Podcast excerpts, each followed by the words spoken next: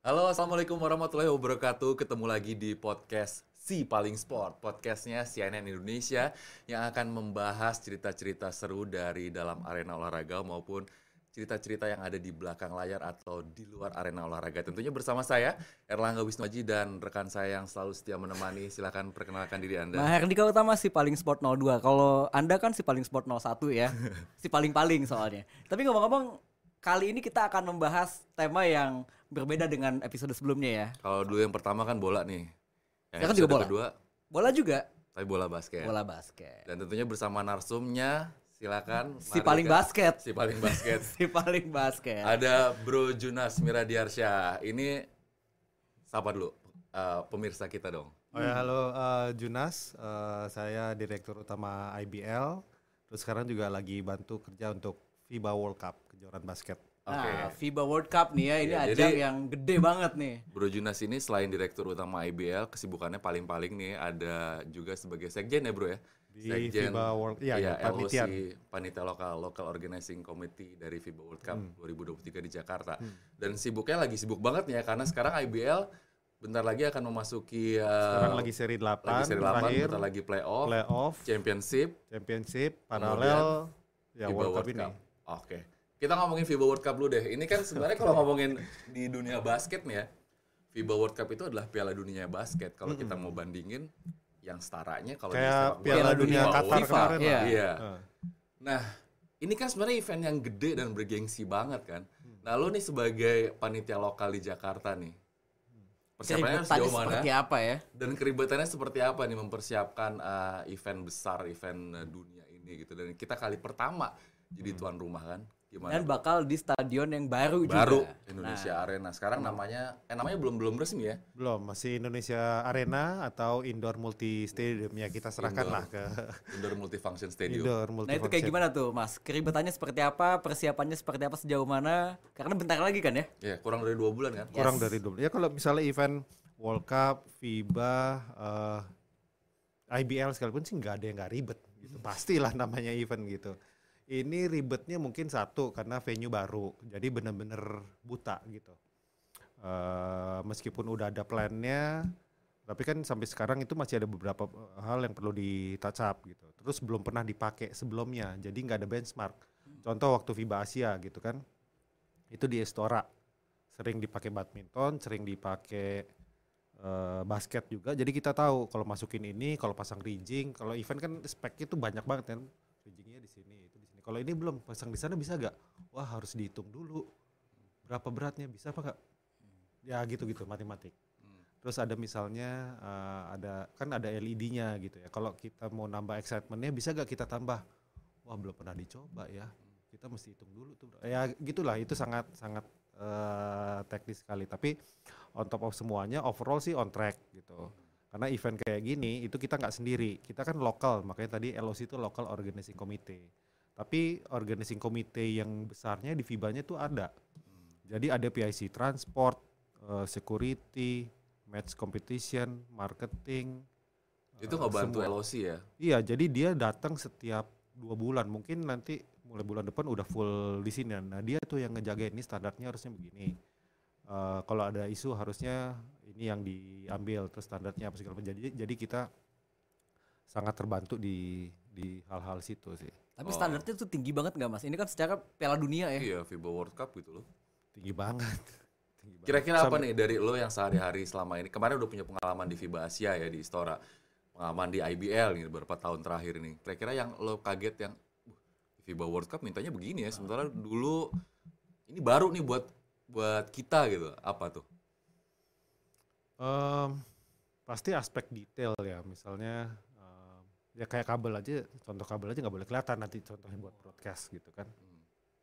Tapi itu kan juga nggak mudah karena kalau misalnya kabel nggak kelihatan sama sekali, buildingnya ada gak tuh Jalurnya gitu. ya. jalurnya ya kayak gitu. -gitu.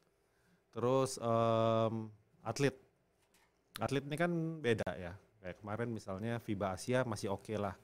Uh, dia drop off-nya di mana, dia turun sekian meter, abis itu dijemput uh, uh, busnya di mana gitu. Kalau ini udah lebih spesifik lagi, contoh misalnya kemarin.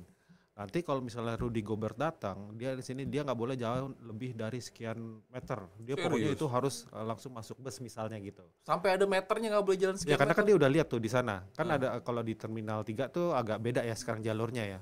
Itu nggak bisa tuh kita pakai jalur yang itu. Harus dia keluar jalan sekian eh, jarak sekian meter abis itu langsung bus, bus langsung jalan misalnya gitu. Berarti sejak dari airport mereka udah ngatur gitu ya. Iya. Sudah ada itu ya? ya. Iya, Ini atur. kan ada delapan negara nih ya, ada dua grup dan banyak negara yang punya pemain-pemain top juga, ada yang main di NBA juga. Mm. Tadi ada dibahas tuh soal jalan aja ternyata udah diatur ya. Jarak buset, pemain Gimana yang lain-lainnya nih Mas? Bocoran dong Mas. Ridersnya mereka nih apa nih yang paling aneh lah selama Nyeleneh Mas ya? pegang Eh. pegang event-event besar kayak gini. Ya ini sih belum ketahuan sampai readers yang paling detail ya, tapi yang paling standar dilakukan misalnya nyampe hotel gitu kan, nyampe hotel kan jalur pasti ada jalur umum. Hmm. Jalur non umumnya pasti ditanya tuh.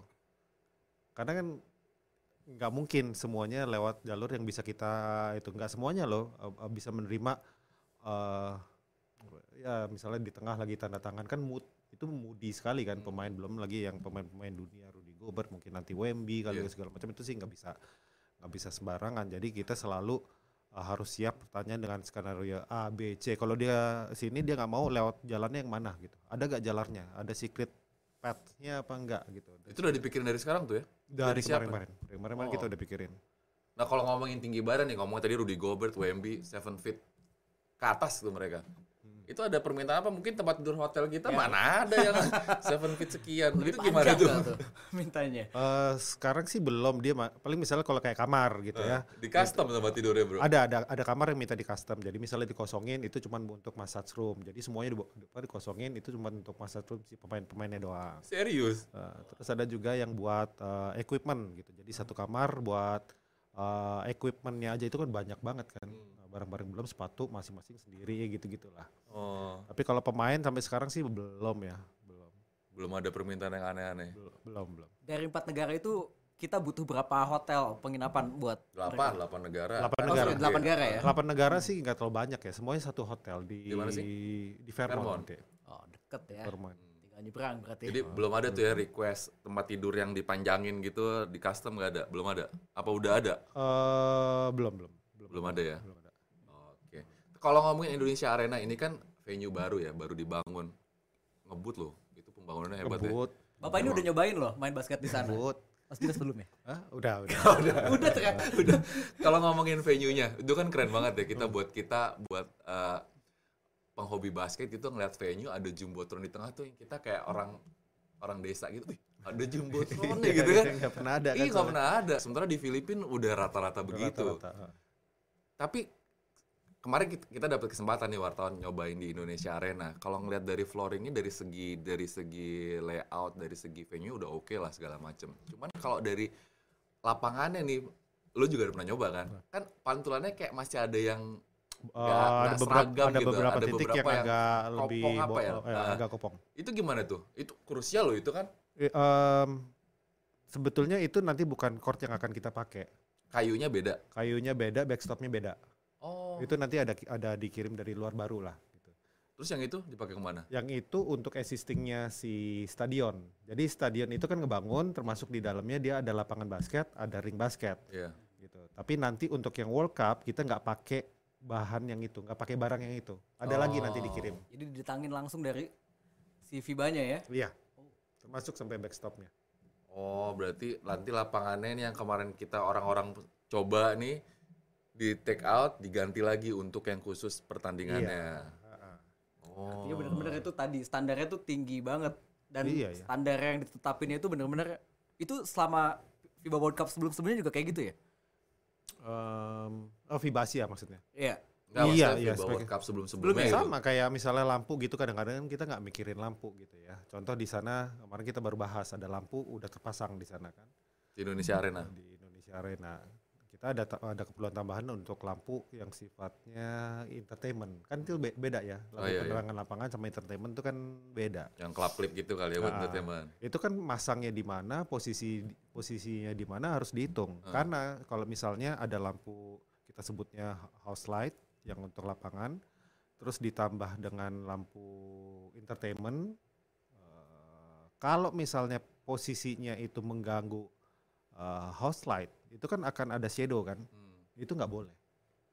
Detail lah ya pokoknya segitu detailnya. nggak boleh. Bahkan dia bilang gini, kalau misalnya nanti uh, lampunya itu dipasang di satu titik tertentu dan itu mengganggu, ya udah saya nggak pakai house light ini sama sekali. Itu bisa buat pelajaran buat IBL juga tuh. Banyak, banyak banget. Justru Tapi yang kayak PR banget IBL mau ngikutin standar itu PR ya. PR. Semua sih PR karena gini, sebetulnya sangat doable. Apa pun tuh doable. Asal infrastrukturnya memang memadai gitu. Nah, kadang-kadang kita waktu ngebangun infrastruktur nih mohon maaf em, detailnya banyak yang nggak kepikiran gitu. Dan standarnya kan berubah terus ya. Iya. Contoh aja kemarin kita keliling buat yang home away nih. Ini sekedar cerita untuk home away yang uh, IBL. IBL. Eh tapi IBL ntar dulu. Oh, iya, iya, Nah, nanti kita selesaiin cerita dulu, lah. selesaiin FIBA World Cup So- soalnya dulu. lagi ngomongin infrastruktur tuh. Nanti. tahan dulu, tahan. ya nggak apa-apa, nggak apa-apa. Tapi Kita- secara infrastruktur itu kapasitas 16.000 betul ya? 16 ribu. Oh, Udah oke. oke lah Indonesia. Artinya Arena. 16.000 itu kan ya kalau dibandingin GBK kan sedikit ya. Ngomong-ngomong soal tiketnya sendiri nanti untuk eh, FIBA World Cup Agustus sudah sejauh mana penjualannya nih? Iya, Jadi soalnya kalau Hmm. ngomongin Coldplay nih ya, war tiket. Indonesia Argentina war tiket ribet. Ini belum. Ini FIBA World Cup ini udah dibuka dari beberapa gue pernah wawancara lu kan. Dan kayaknya adem ayem aja padahal harga Gaungnya belum kedengeran ya. Harga tiketnya kalau dihitung-hitung kemarin gue sebenarnya mahal 450.000 ribu dari gue browsing terakhir ya. 450.000 ribu sampai 10 juta. Tapi 450.000 itu untuk empat pertandingan kalau nggak salah Oke ya. kan? 100 ribu per game untuk nyaksiin uh, tim dunia main menurut menurut gue sih nggak mahal ya tapi ini kayaknya nggak se war tiket Yes. Indonesia Argentina Coldplay gimana tuh penjualannya gimana bro Kalau penjualan nih. sih memang udah dibuka uh, sejak lama, tapi kalau tiket tuh kita strateginya bersama gitu ya sama FIBA, jadi nggak bisa bikin strategi masing-masing. Kecuali kalau harga ditentukan berdasarkan market. Jadi uh, ada kategori-kategori yang sifatnya di parsial gitu. Contohnya sekarang ada yang follow my team, orang Iya. bisa beli di Kanada semua tim Kanada. ada weekend pass Ada weekend pass, belinya beli itu uh, nonton Sabtu Minggu dua pertandingan sehari kan ada dua pertandingan. Iya. Nah, nanti tanggal 25 Juni ini ada yang final dan cukup lama eh cukup ditunggu itu yang bisa beli per game oh dan yang harganya lebih retail. itu berapa Lebih murah ya. Ada yang 100 ribu, ada yang 150 ribu. Per walaupun game. tim unggulan tuh walaupun yang main Spanyol atau Iya, kan Kanada. kategorinya banyak gitu ya. Nah, itulah stra- strategi-strategi itu yang coba dipecah untuk supaya excitingnya eh, agak panjang gitu. Itu itu satu. Terus yang berikutnya kalau Coldplay gitu ya. Kita mau nonton Coldplay, kita tahu vokalisnya pasti main dong. Yes.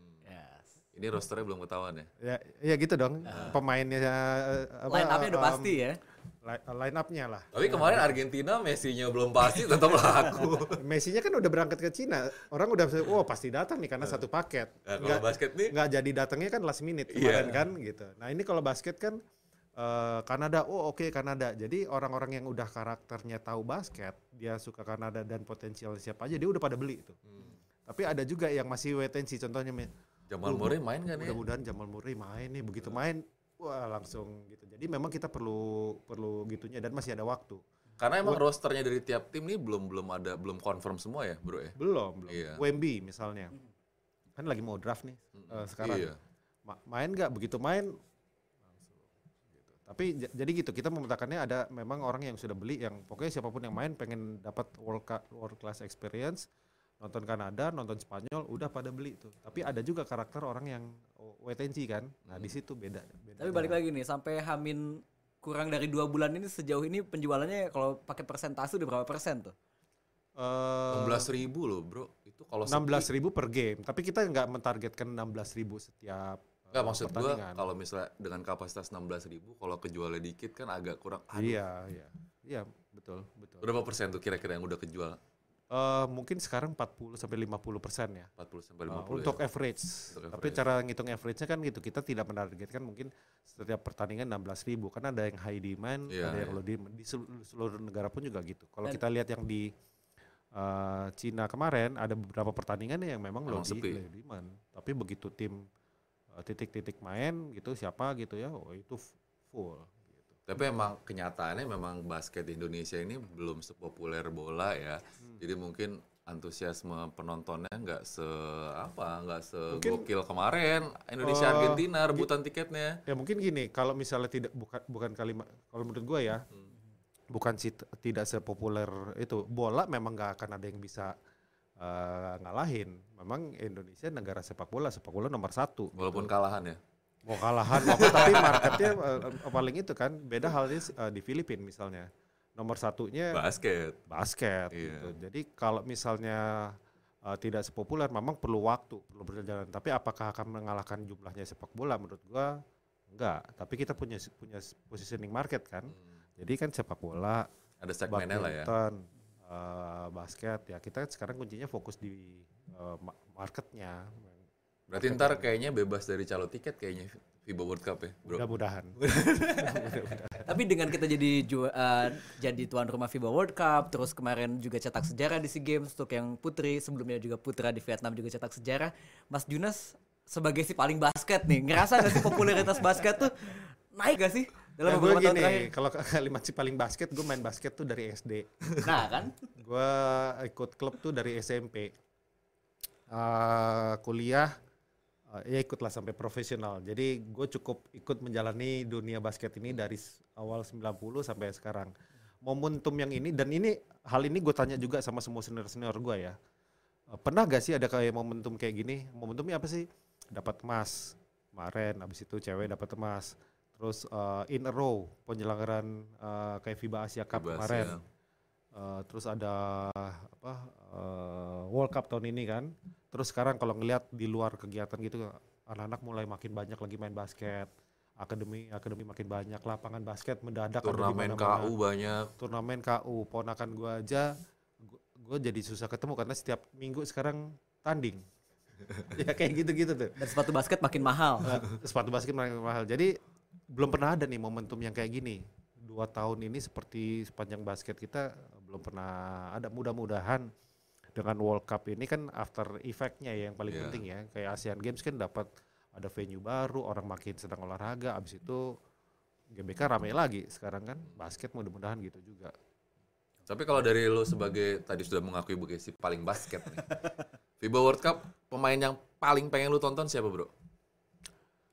Um, Porzingis. Porzingis. Kalau Wemby overrated nggak sih Wemby? Wemby soalnya kalau kita ngomong FIBA uh, World Cup yang U19 ya. Dia kan sebenarnya kalau sama si Kenneth Lofton undrafted loh Kenneth Yang Lofton. US ya, yang Iya kan? Memphis. Itu kayak ya sama Kenneth Lofton aja nggak bisa jaga lu padahal size-nya jauh. Ya. Sekarang Wemby kalau misalnya masuk NBA gitu kan. masih question ya? masih Iya. masih question mark Tapi kalau gue pengen nonton Jamal Murray sih. Siapanya. Jamal Jamal Mirdad? Mirdad. Lu Paling nggak Porzingis ya? Gue Porzingis, Porzingis. Porzingis. Nggak maksudnya em gue nggak terlalu ngefans banget sih. Cuman ngelihat secara langsung orang dengan size segitu, Hmm. eh, kemampuan syuting parameternya kayak begitu, nah pengen lihat langsung itu Dengan speed kayak gitu ya. Ah, iya sih penasaran. Gue aja kemarin ngeliat FIBA Asia tuh kayak baru nyadar gitu. Buset Indonesia tuh masih jauh ya PR-nya masih banyak banget gitu sih. Kayak siapa pemain Cina yang tinggi tuh Shu- eh, yang bisa nembak dari luar tinggi 2 meter Kalau sih- main di Houston Rockets. Kalau gue kemarin tuh amazed sama pemain Lebanon si El Warakji yang cedera Oh kan iya dia. iya, cedera. Wah itu. Nonton basket makanya di. Saya dia catur. ya semoga ini ya FIBA World Cup uh, sukses lah ya dengan dengan ada after effect-nya tadi kata Bro Junas juga kan bahwa walaupun kita gagal lolos ke FIBA World Cup emang ya kalau ngomong jujur kualitas uh, kemampuan timnas basket kita emang belum sampai di situ. Sabar aja dulu nih, biarin aja nih orang generasi-generasi muda kita nih anak-anak basket yang masih pada kecil-kecil nih. Lu lihat dulu tuh pemain dunia tuh kalau main begini. Iya. Tapi kan tuh sebenarnya begini. Asia Tenggara kita udah mulai dilihat dong. Perlu perlu waktu gitu. Yang sekarang sih pertanyaannya udah on track atau belum gitu. Iya. Nah kalau sekarang pertanyaan udah on track atau belum, gue yakin sudah on track gitu. Mas, mas Sabar aja ya, sebelum- tinggal sabar. sabar aja. Li- misalnya di konsisten. Filipina, liganya berapa tahun bro? NBA, ya NBA nggak usah ngomong lah. NBA aja sampai hari ini orang, wow NBA bagus. Iya 75 tahun li- liganya. Naik turun tuh ya. Eh Iyalah. Filipina kalau nggak salah 70 sekian tahun juga. Jadi Ya, memang, kalau memang kita ngomong NBA bro. aja, NBA naik turun untuk sampai sekarang mencapai kepopuleran yang sekarang gitu kan naik turun Iya, dia kan. Kita sekarang di tahun ke-20 baru liga liga kita gitu. Nah ngomong-ngomong soal liga nih, ini Nah, liga iya, season masuk ke ini liga juga nih.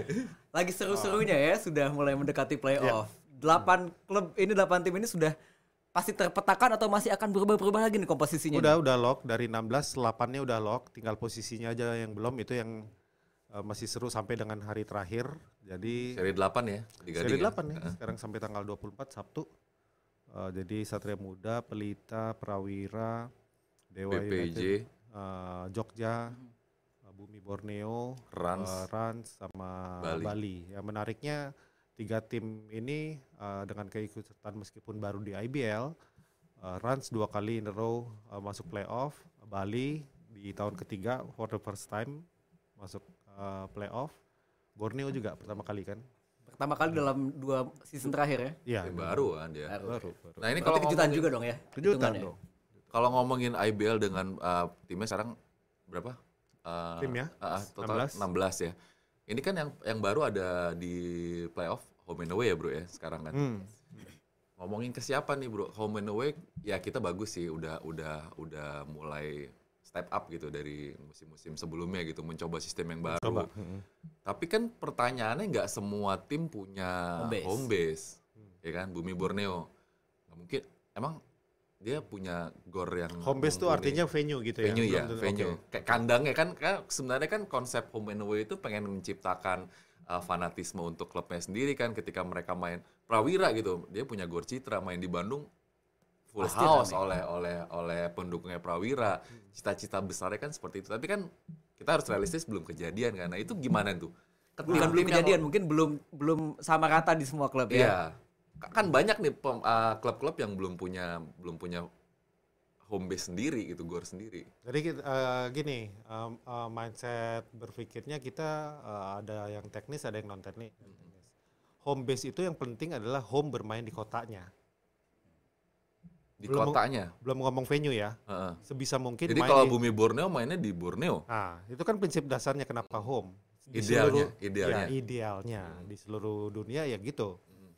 Home itu ya bermain di kotanya supaya sports itu kan eh, fanatisme ya. Iya. Fanatisme tuh datangnya dari mana? Dari kota. City pride, local pride, gitulah is- istilahnya. Jadi eh, home base itu istilahnya kita mesti pecah home itu untuk bisa bermain di kotanya supaya sekarang nih misalnya eh, Pelita Jaya bagus dia main di Jogja, fansnya banyak gitu. Tapi kan harusnya jadi pertanyaan buat tim Jogja, harusnya Jogja Kan lu punya. Bima Perkasa gitu ya. Nah, gi- eh, gitu. Nanti ujung-ujungnya itu kan supaya bisa ke komersial, bisa buat fans dan sebagainya gitu. Nah, sekarang baru kedua, home base dalam pengertian venue. Di, di Amerika pun nggak semua tim punya venue. Di Jepang misalnya, bilik itu nggak semua tim punya venue. Yang punya venue kalau nggak salah cuma satu apa? Tapi di kotanya ada tempat yang Iya. uh, bisa untuk mainnya di kotanya. Bahkan ada yang kemarin pas em, ya kemarin sempat itulah. Ada satu tim itu di kotanya dia bisa main di tempat yang berbeda di kotanya. Contoh nih misalnya kayak di Jakarta, bisa aja dia main di Bulungan, Iya, bisa iya. dia main di Senayan, Ya kalau Jakarta dia banyak bisa pilihan. main di situ gitu kan. Jadi ini eh, kita clear dulu di situ. Baru ngomong infrastrukturnya, ada yang siap apa enggak? Siap untuk broadcast, siap untuk penonton, macam-macam Iya, tuh ya gitu. faktornya ya. Ha, baru di situlah tadi misal pertanyaan, kalau Pontianak main di Pontianak dong. Dengan prinsip gue jawab tadi dia, eh, eh, yang tadi harusnya iya dong. Mainnya di kota Pontianak. Tapi ada tapinya. Eh, tapi ada apa enggak? Nah begitu nggak ada, baru kita cari alternatif lain. Yang yang akhirnya ya mau ngomong ini kan lagi proses ya, lagi proses menuju ke sana. Mudah-mudahan nanti semua kota kita begitu ada tim mau pindah atau tim komit di suatu kota ya harus komit dengan infrastrukturnya pikirin, penyelenggaraannya pikirin. Gitu. Jadi artinya si IBL ini sebelum ada playoff home away itu melakukan verifikasi setiap kota dulu ya? Ada atau ini enggaknya? panjang, ini kita dari November 2022 kita udah presentasi awal, kita udah tiga kali workshop sama tim karena kan tadi ngomong persiapan kan, ini kan PR-nya persiapannya bukan kita mempersiapkan, kita mempersiapkan orang untuk dia siap, jauh lebih susah loh, ya kan? Ini yang ngerjain kan orang lain. Jadi ini ibaratnya adalah langkah yang cukup apa ya? Ini berat lagi diambil berat. tapi harus dilakukan. Ini gitu. lagi transisi lah. Lagi transisi. Mudah-mudahan kita lagi siapin tahun depan itu semua gamenya home away, kayak sepak bola, ya kayak di NBA, kayak di mana pun. Karena memang cara itu yang paling ideal supaya bisnisnya sustain. Nah, ngomongin soal bisnis sustain uh, kemampuan klub ikut liga. Ini kan sebenarnya yang lagi hangat diomongin ya, Bro ya. West Bandit nih. West Bandit katanya sponsornya nggak eligible atau apa segala macam gitu. Akhirnya sekarang dia eh, Gak pakai pemain asing. nggak pakai pemain asing, terus beberapa gaji pemainnya nggak dibayar. Ini kan sebenarnya cerita lama ya, yang bukan hal baru gitu di basket gitu. Kalau kita ngomongin basket, basket secara tadi kita bilang belum sepopuler eh, sepak bola gitu ya, belum bisa dijual banget.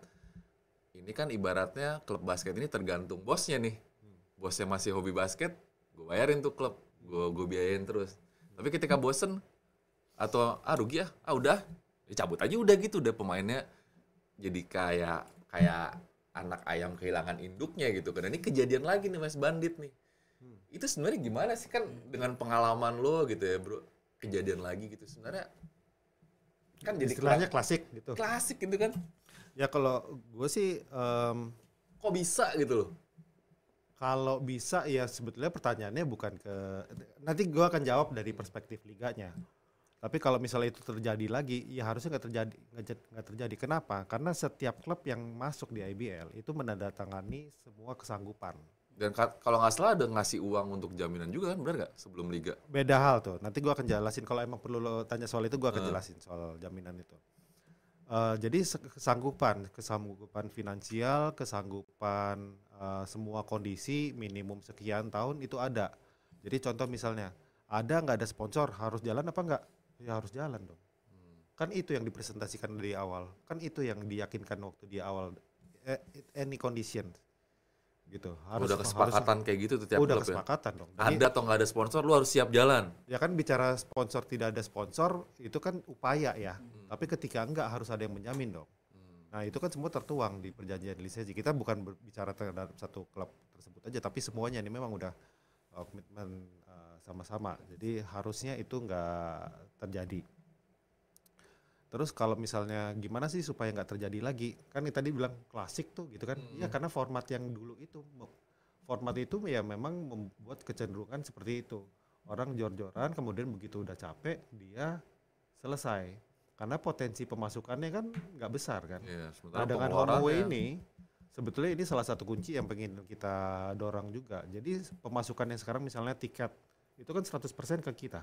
IBL. IBL nah itu kita mau kasih ke mereka Caranya lu gelar itu pertandingan home gitu. gelar jadi nanti semuanya akan menjadi haknya tim Oh, Terus cita-citanya seperti itu ya. terus Dan itu sudah sponsor dilakukan di playoff nanti ya? Yang akan dilakukan. akan akan di playoff ini Akan dilakukan. itu tiket jadi kalau dulu tiket tuh dibagi-bagi jadi dapatnya yang home-nya kan home away ini pernah dicoba 2019 Ya. tapi kita agak bongkar dikit lah nah in shortnya tiket 100% buat eh, tim yang nyelenggarain Hmm.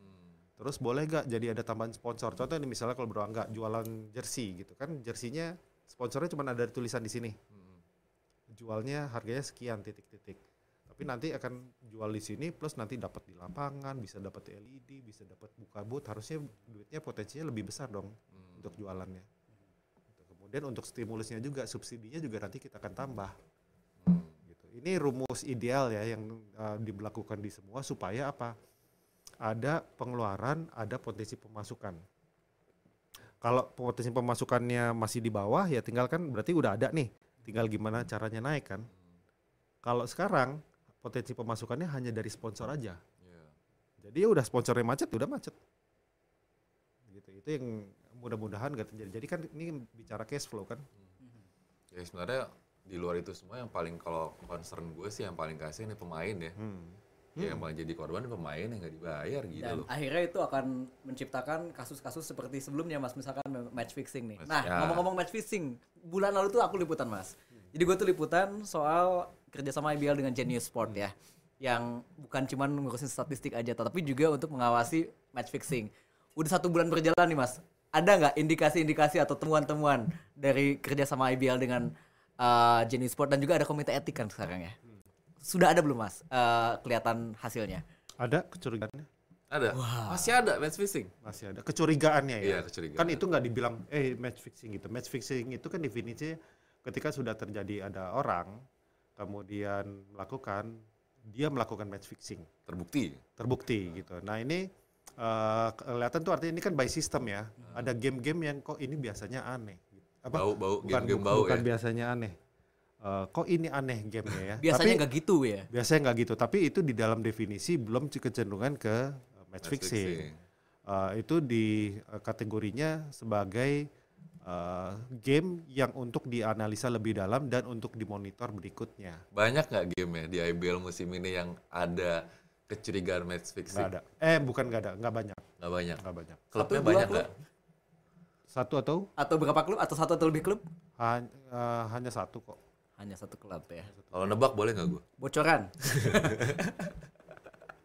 Sebenarnya dari cerita cerita kita obrolan tadi nih, kalau nggak pakai logika ya, ya mungkin gue sih udah ada kebayang gitu satu klub gitu. Sama nggak pikiran kita? Ya nggak tahu lah ya, pikiran gue pikiran lu beda ya. Belum boleh dibocorin sedikit-sedikit ya? Hah? Belum boleh dibocorin ya? Enggak, kalau kita bocorin gini, eh, itu kan etik ya. Iya. Ini kan bukti awal, bahkan belum menjadi bukti awal kalau gue bilang sekarang. Tapi ada kecurigaan gitu ya. Ada ada Indikasi, kecurigaan, ada, ada ada indikasi. Karena memang eh, mesi, apa eh, kerjasama yang kita buat itu untuk melihat sesuatu yang tidak bisa dilihat secara kasat mata saja. Ya kita lihat pertandingannya baik-baik aja nih, atau bahkan tidak baik-baik aja secara kasat mata. Itu di di apa kerjasama kita dengan tools yang eh, itu untuk mengidentifikasi untuk menjustifikasi. Benar gak kecurigaan kita.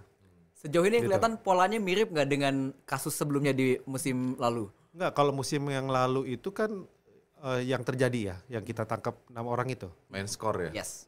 Eh, enggak, Selisih skor ya. fixing, enggak, betul. itu belum sampai situ.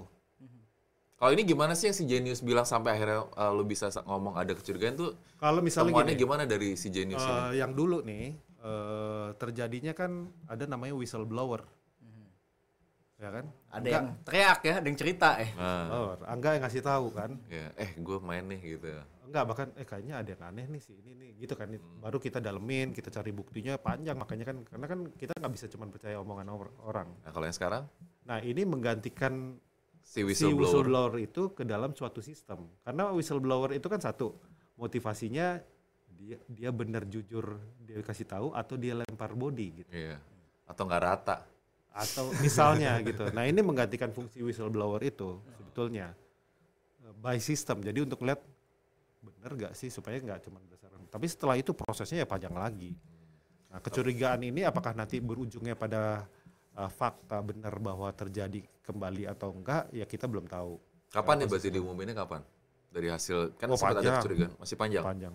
Tapi yang ini panjang. kelihatannya lebih rumit nggak dari yang sebelumnya? dalam hal apa? Dalam hal eh, permainannya gitu. Maksudnya kan kalau dulu sebelumnya Modusnya gitu. modusnya lebih kelihatan lebih rapi atau justru udah gampang nih kebacanya gitu. Sa- sama kan paling udah udah pernah nonton yang di Netflix dong Ya ya ya Hah? ya. Ya. sama begitu semua modelnya Tapi agak ini ya kalau ngomongin match fixing ya. Gimana ya kalau misalnya jadi pema ya susah juga ya, Bro ya. Kalau ya benahinnya emang harus dari semuanya ketika ada klub yang gajinya macet terus misalnya pemainnya menerima ma- match makanya fixing kan yang- jadinya kayak nggak bisa lu nggak bisa ngelihat satu permasalahan ini dari bisa. satu makanya sisi yang aja gitu. yang kerja sama sama apa IBL dengan Junius itu namanya em, program integrity services jadi integrity menurut mereka di seluruh dunia integrity itu kuncinya kalau integritasnya pemain integri- integritas wasitnya itu di atas segalanya ya harusnya nggak terjadi gitu Wah itu Jadi- berarti PR untuk bangsa kita juga tuh integritas. eh memang benar jadi waktu kita bikin nggak hanya basket aja Serius bro. banget nih Iya, kayaknya. serius. waktu kita bikin workshop itu kan kita ngeliat pengen tahu dong materi workshopnya jadi materi workshopnya itu gimana dia ngebangun pride-nya si wasit gimana dia ngebangun eh, ke pemain kenapa kenapa lo pertama kali main basket? Kenapa lo itu? Jadi memang di encourage hal-hal hal-hal begitunya gitu. Oh artinya itu sasarannya bukan cuma ke si pemain atau ke ofisial tapi sampai ke wasit juga ya. semua bahkan. Semua. kita Semua waktu aspek itu ya. wasit pemain manajemen klub eh statistician dan sebagainya. Yang di NBA kan kemarin ada kecurigaan kan? Kalau pernah dengar beritanya tapi nggak terjadi. Karena unsur itu kan bisa masuk di dari segala macam Dari semua lini ya. lini Tapi mungkin gue agak sedikit kritik ke IBL nih, mumpung ada direkturnya langsung kan. Kan nih sekarang yang rame soal Agassi nih bro, Agassi Guantara. Itu kan dari zaman dia, dia terakhir kali main tuh di FIBA Asia ya kalau nggak salah ya. Itu gue tahu dia mau akan ke Spanyol, kuliah dan akan main gitu kan. agak kaget juga sih gue pas kemarin nonton di Gading, oh sih main udah balik nih dari Spanyol. Tapi kan ternyata ini dari dari sosmed, dari media online akhirnya di rame nih. Kok boleh sih Agassi yang udah main di liga lain masuk roster dan main lagi gitu. Baru setelah rame baru IBL oh pending dulu gitu. Jadi Sebenarnya pertanyaannya boleh apa enggak tuh? Eh, enggak, kalau misalnya kenapa harus nunggu dari Emang Eh, IBL nggak punya sistemnya untuk menyaring itu? Padahal semua orang udah tahu Agassi main di Spanyol Nah. gitu. Berarti Gimana mesti mesti denger uh, Versi lain penjelasan yang di podcast yang satu lagi tuh. Gue jelasin detail tuh di situ. Gimana gimana? Intinya gimana? Intinya kan untuk setiap pemain yang bisa main di liga itu ada proses screeningnya. Mm, Proses screeningnya itu di mana? Di bulan Desember dan Januari. Jadi Desember itu semua tim mengajukan nama yang di dalam roster, kemudian dicek, diverifikasi, kemudian kalau misalnya ada sanggahan ada waktu 14 hari. mm, Ketika nggak ada, jadilah sebuah roster yang sah ya. di Januari. Udah. Jadi misalnya ngomong Agassi, kenapa sih bisa main? Ya ada di roster. Gitu. Pas Desember Januari plus 14 hari tadi. Ah, Eh, Oke. Nah kemarin kan misalnya kan kita udah tahu dia ke Spanyol. Iya kita juga tahu di Spanyol. eh. Em, ah, main di sana. Iya kita tahu gitu. Dan kita cek ke timnya itu mainnya di sana. Iya main dengan apa? Main dengan kampus. Ya kan sempat ada main dengan kampus, kemudian main eh, dengan klub kan. Ya. Udah jalan dong. Kan kita nggak bisa menjadikan isu atau hanya pemberitaan aja menjadi sebuah sanggahan kan. Harus ada. Contoh nih misalnya, orang banyak banyak nanya, juga, apa bedanya sama Abraham? Abraham sama prosesnya, masuk roster. Tapi ketika mau hari pertama di Bali, itu kita terima sanggahan nih liga dalam bentuk apa? Surat dari FIBA yang menyatakan eh hati-hati ini ada satu pemain yang LOC-nya pindah ke negara lain. Jepang. Nah, nah itu disanggah tuh. Nah ketika disanggah ya kita harus tangguhkan dulu uh, prosesnya dia. Itu uh, Abraham nih kasusnya Abraham. Nah balik lagi ke Agassi kan nggak ada apa pun ya main. Dia pulang dari Spanyol kan, habis itu bisa kembali main, bisa main. Ya kan dasarnya apa roster dong. Dan gak ada sanggahan dari Nggak ada yang sanggahan, lain. nggak ada sanggahan dari apa pun. Nah setelah main kan jadi rame. Nah Mm-mm. bukan rame di berita, bukan rame di apa, tapi memang ada bukti yang mengirimkan ke kita eh, dengan daftar roster dan seba- eh, sebagainya. Dia main di eh, dua kompetisi, bukan hanya sebagai sekolah, tapi ada juga sebagai eh, Klub.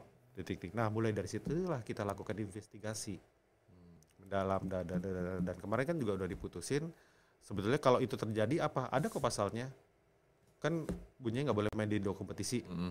kalau misalnya terbukti dia bermain terus apa? Ada. Sanksinya. Ada sanksinya. Yaitu?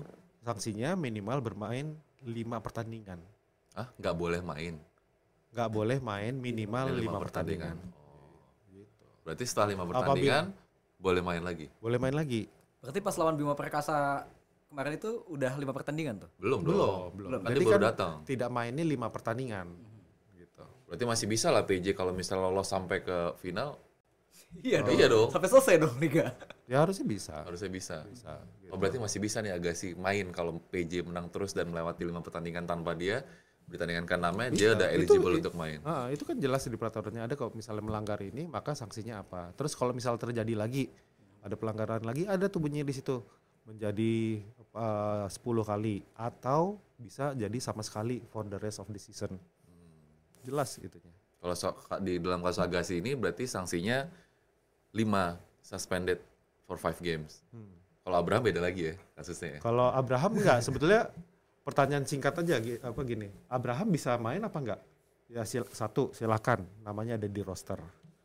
Tanya ke klubnya sih sebenarnya ya. Yang kedua, eh, silakan LOC-nya diurus kembali. Gitu. Ketika main ya sama prosesnya seperti Agassi kan, ada sanksi dan sebagainya gitu aja simple. IBL apalagi nih mau kita bahas nih. MPV mungkin ya. MVP, MVP mah mau Mobil sih ya. Emang beda ya? Atau udah ganti? MVP. MVP. ya, most valuable player. Iya kan? Emang tadi gua ngomong apa? Lu ngomong MVP. Ah, ya, udah. saya kan orang Sunda nggak bisa ngomong pe. kalau ngomongin MVP ya banyak lah ya kandidatnya. Cuma kalau ngomongin juara ya kira-kira bakal ada juara baru gak sih? Iya kan kayaknya SMPJ, SMPJ gitu. Oh. Ya kita, kita nanya dari yang luar dong, jangan nih nanya, nanya kita sebagai ini ya. Gimana? Tapi udah mulai seru lah ya. sekarang lah ya. Ada beberapa klub kejutan ya tadi kan. Dan V- MVP sih harusnya menarik ya. Pras eh eh, sangat di standar eh, sangat di, Yuda. di standarnya dia. Yuda Arki juga pasti di Walah, standarnya gila. dia. Siapa lagi ya? Tapi kalau untuk keseruan klub ya, bro ya, lu sebagai dirut IBL kan, ya mestinya dominasi itu mestinya apa ya? Jangan Dominasi apa? dominasi klub itu mestinya Yang jangan terjadi ya. Kalau untuk keseruan klub nih kita ngomong. Oh iya itu juga harapan kita di NBA juga begitu. Eh Lakers Celtics gitu kan atau sekarang eh, dulu Bulls dulu itu dominasi itu boleh apa sah-sah aja. Sah-sah aja. Nah, justru harusnya domin cara melihatnya gini. Ketika terjadi sebuah dominasi, harusnya itu menjadi eh, trigger untuk orang lain melakukan hal yang sama. Atau bahkan lebih baik dari si yang klub Iya, yang misalnya Chicago itu. Bulls dominasi, itu kan orang wah ini, ini banget. Akhirnya sekarang ada em, eh, apa eh, Golden State gitu. Hmm. Golden State udah terjadi dinastinya sekarang Memphis mau bikin, Spurs lagi ngebikin dinasti baru sekarang kan Iya. kan eh, kan gitu harapannya. Nah tadi kan dibahas ya kalau Mas Junas ini sudah si paling basket sejak kecil ya. Tapi mungkin Banyak lah yang lebih basket dari gua. tapi mungkin nggak banyak orang yang tahu kalau Mas Junas sendiri adalah juga Si paling hardcore. si ya? paling hardcore. Ada di skena hardcore Jakarta, Bandung di akhir 90-an ya. Eh bener loh bro, seperti tadi gue bilang sebelum podcast ini mulai. Tadi bro Junas bilang kalau yang tahu Junas di basket nggak tahu lo di hardcore ya. Ini hardcore-nya musik loh ya, bukan hardcore yang lain. kalau yang tahu lo di musik nggak nggak tahu banget lo di basket gitu. Iya iya. Biarlah eh, tetap begitu nggak apa-apa. Tapi gimana tuh ceritanya? Ada di satu band hardcore yang cukup legendaris ya kalau di skena hardcore ya. Step Forward ya namanya mah. Betul kan? Ya betul betul. Itu gimana ceritanya membagi waktu antara main basket dari muda ke dunia yang mungkin Bertolak agak belakang bertolak belakang ya. Anak band kan main malam gitu. Atlet kan tidur biasanya istirahat gitu. Anak band manggung gitu. Mungkin di jalanan gitu. Dengan segala gaya hidup anak band ya. Apalagi ini di skena yang keras ya, hardcore gitu. Ya karena kebiasaan dari kecil sih. Jadi gue suka musik itu ya dari SMP. Ma- apa suka basket juga dari SMP. Hmm. Tapi pada saat itu nggak kepikiran untuk jadi jadi atlet basket ah gitu atau jadi musisi ah gitu. Jadi ngelakuin cuman buat seneng, eh, buat nongkrong, buat ya main lah. Memang mod ini ya modusnya modus main aja.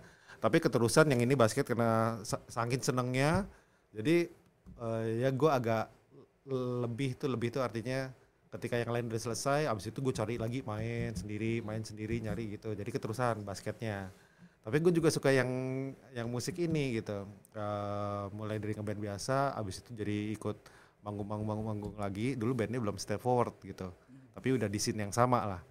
Jadi dari awal udah hardcore ya bro ya. Udah. Kenapa memilih band hardcore apa nih yang paling suka nih? Sayhulut, uh, Terror, apa? Eh, sa- ya kalau dua itu gue Saihulut lah. Oh, Kalau sekarang mungkin yang ada sekarang Counterparts oke, Gods Inside oke. Oh masih ya sekarang ya. masih. Berarti masih main masih oh kan kemarin juga baru rilis lagi Step Forward ya. Waktu pandemi Ya, belum lama ya. nggak ada nggak ada kerjaan jadi bikin Gak ada kerja. 2020 tuh gak ada liga soalnya. Dia libur. Bilar kita main itu lagi buka case lagi main, main lagi. Dan buat sebagian eh, di scene musik ini itu jadi kejutan juga Step Forward comeback ya.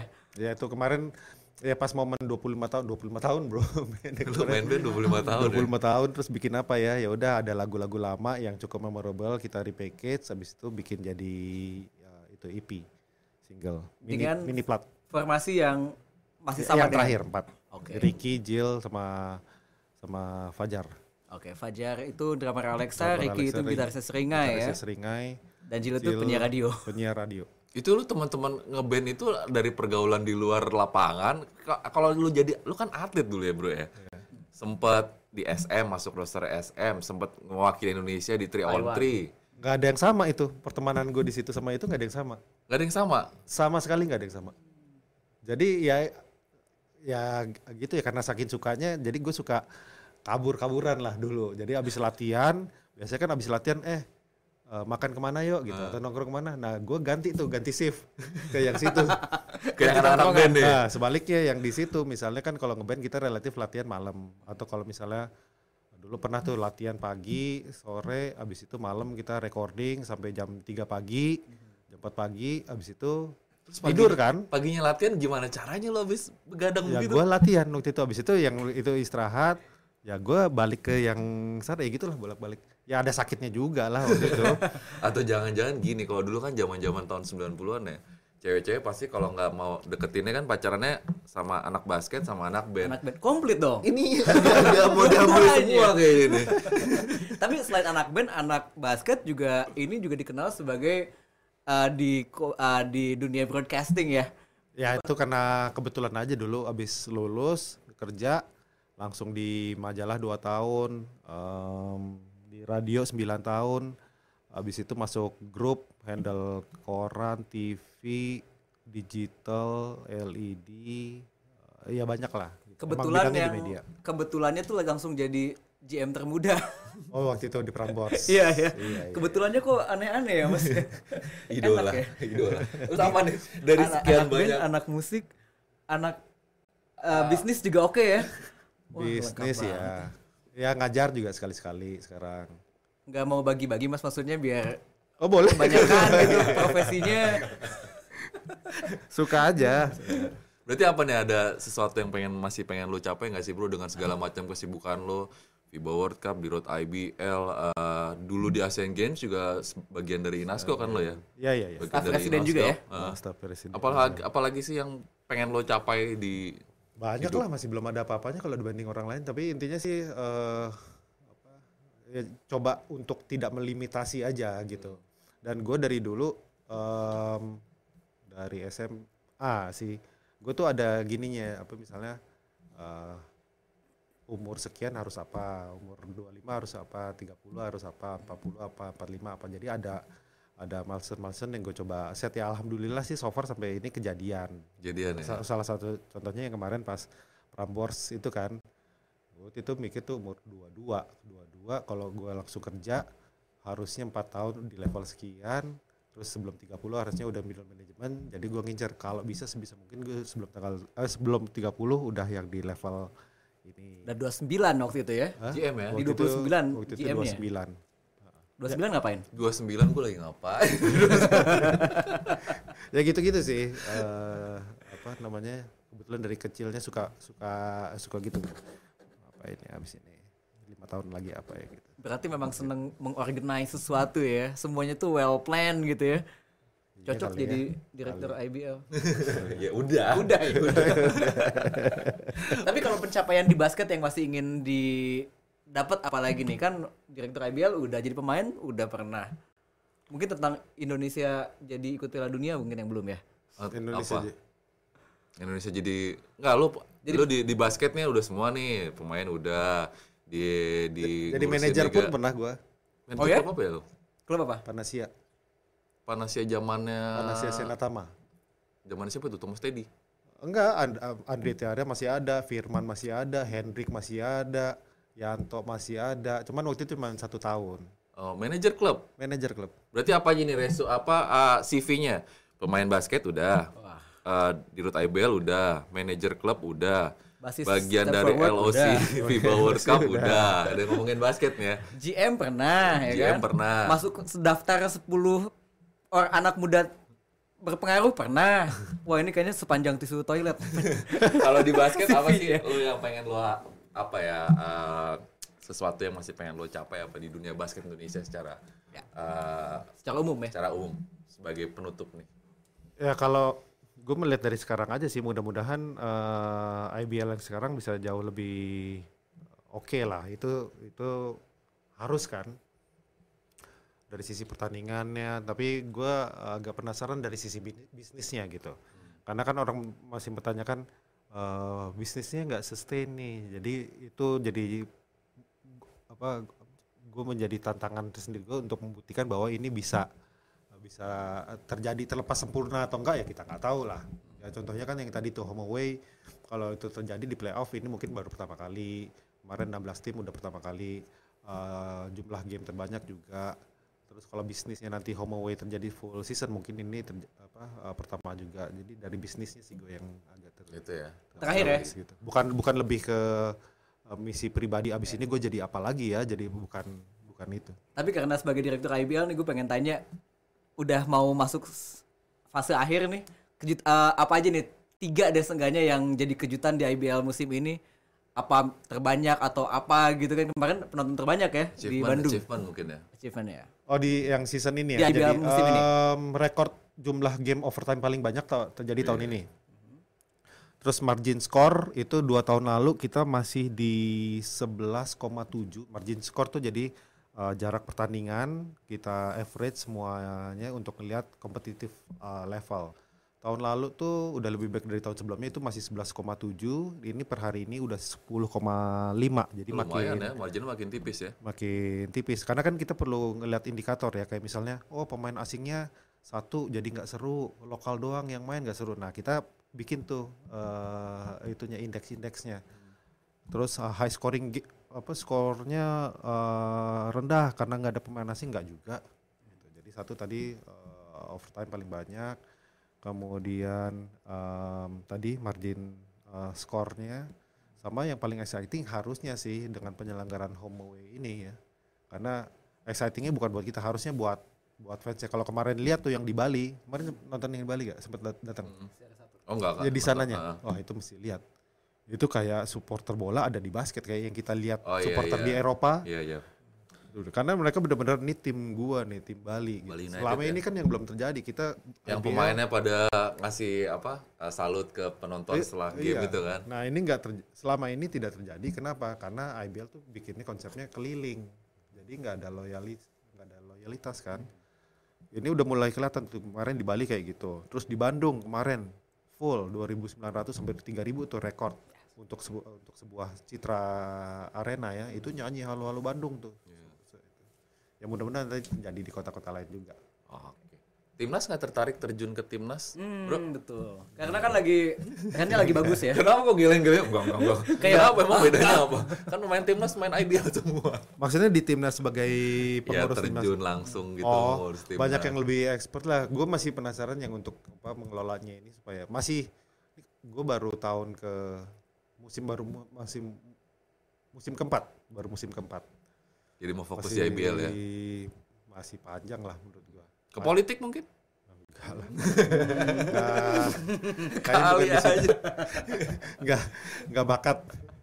Kayaknya gue lebih setuju enggak, dia ini- manggung lagi deh daripada. Enggak.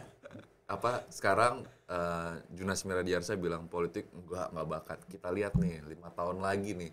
Ini di di kita buka lagi kalau misalnya lu Buka ke lagi. politik ya, gue tunjukin nih rekamannya Ada rekaman nih. ini, ya, ya. Gue tunjukin ntar lu. Ya, gue merasa gak berbakat di situ, jadi kita fokus yang ada aja. Oke, kayaknya udah cukup, udah hampir sejam nih kita ngobrol-ngobrol. iya ya. Kerasa. terasa. Terima kasih Bro Junas. Gue thank you, enggak. Padahal gue gak ngerti loh. Selama sejam itu padahal gue gak ngerti. Waktunya udah menyempatkan diri di tengah kesibukannya hadir di podcast Si Paling Sport sebagai yang Si Paling Basket. Semoga sukses IBL di musim ini dengan segala pencapaiannya dan mungkin perbaikan-perbaikan yang lagi diusahakan.